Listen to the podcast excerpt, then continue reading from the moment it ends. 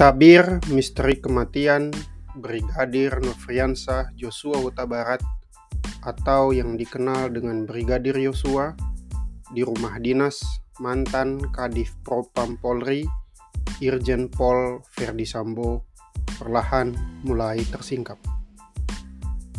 Dari mulai beredarnya narasi tewasnya Brigadir Yosua karena baku tembak pada 8 Juli 2022 hingga terakhir penetapan Sambo sebagai tersangka dan dugaan pelanggaran kode etik puluhan personel kepolisian yang membantu Sambo dalam tewasnya Brigadir Yosua.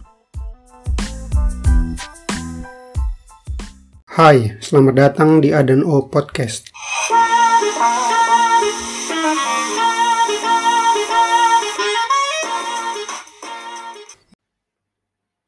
Kasus polisi tembak polisi yang belakangan diketahui adalah pembunuhan berencana oleh Sambo terhadap Brigadir Yosua dibantu sejumlah bawahan dan ajudannya tersebut semakin terang benderang namun sekaligus semakin rumit untuk diungkap motif pembunuhan sebenarnya lantaran Polri enggan membukanya untuk masyarakat umum.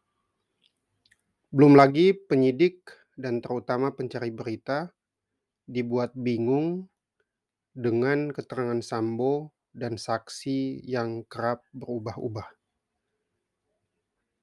Memperoleh fakta yang akurat memang menjadi kunci utama menulis berita kriminal yang menarik.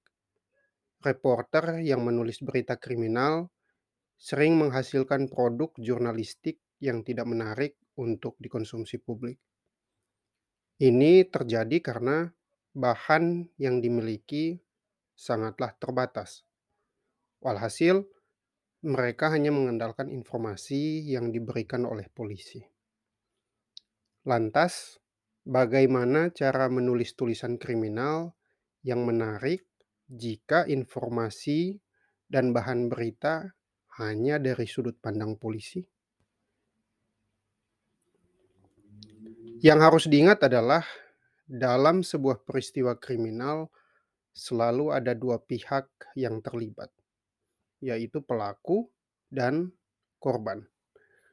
Jadi, ketika reporter meliput peristiwa kriminal, pertanyaan mendasar yang mesti diajukan adalah siapa pelaku dan siapa korban. Merekalah yang paling tahu bagaimana peristiwa kejahatan itu terjadi. Dalam kasus tewasnya Brigadir Yosua, Bayangkara II Richard Eliezer Pudihang Lumiu, ajudan Sambo, mengaku menembak Yosua karena disuruh Sambo. Apa yang memicu pembunuhan tersebut? Bagaimana Sambo merencanakan pembunuhan itu? Benarkah peristiwa Magelang yang memicunya?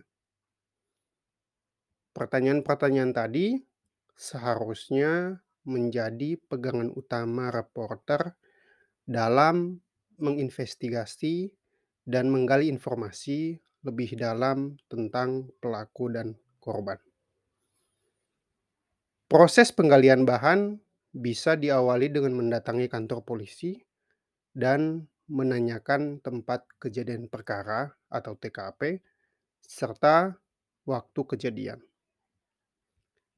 Setelah informasi didapat, reporter dapat mendatangi alamat dimaksud untuk mereportase suasana dan kondisi di lokasi kejadian. Hasil reportase perlu dilengkapi dengan wawancara dengan orang-orang yang tinggal di sekitar TKP.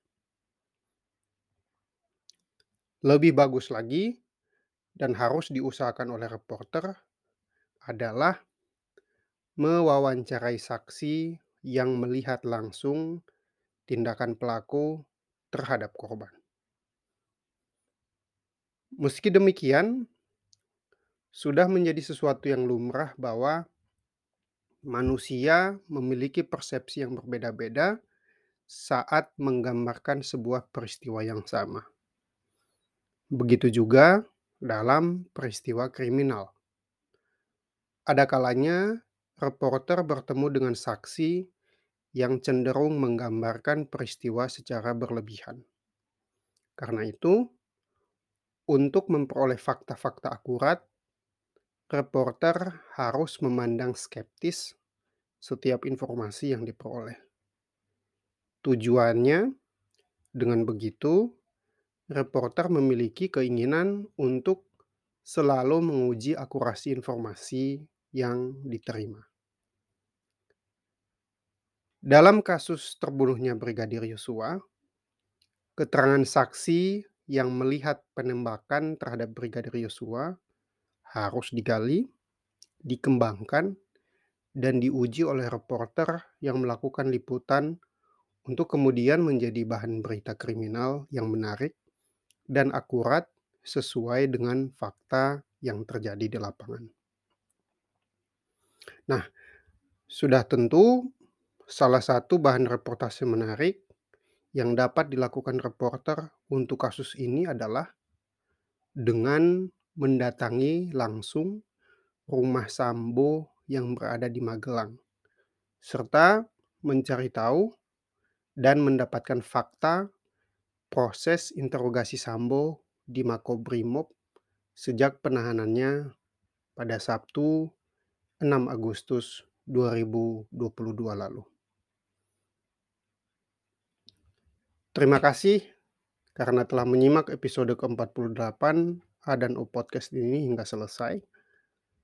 Bagi kalian yang berminat membaca topik episode ke-48 ini dalam bentuk tulisan blog secara lengkap, silakan kunjungi laman blog kami di www.pacesepricesakan.com slash blog. Adan O Podcast akan kembali hadir dua minggu lagi dengan episode terbaru yang masih akan membahas tema seputar penerjemahan, kepenulisan, dan perkembangan berita-berita terkini. Jika ada yang membutuhkan jasa penerjemah, juru bahasa, atau penyunting untuk bahasa Jerman, Inggris, dan Indonesia, hubungi kami melalui email di info at atau kunjungi website www.pacesepricesakan.com. Terakhir, subscribe pada Podcast dan bagikan episode-episode yang menurut kalian menarik untuk didengarkan oleh teman, kerabat, atau kenalan kalian yang mungkin akan mendapatkan manfaat dari mendengarkan siniar ini. Jangan lupa juga untuk memfollow akun Instagram kami di @adanoaustria untuk mengetahui lebih banyak lagi tentang dunia penerjemahan dan penjuru bahasaan. Terima kasih.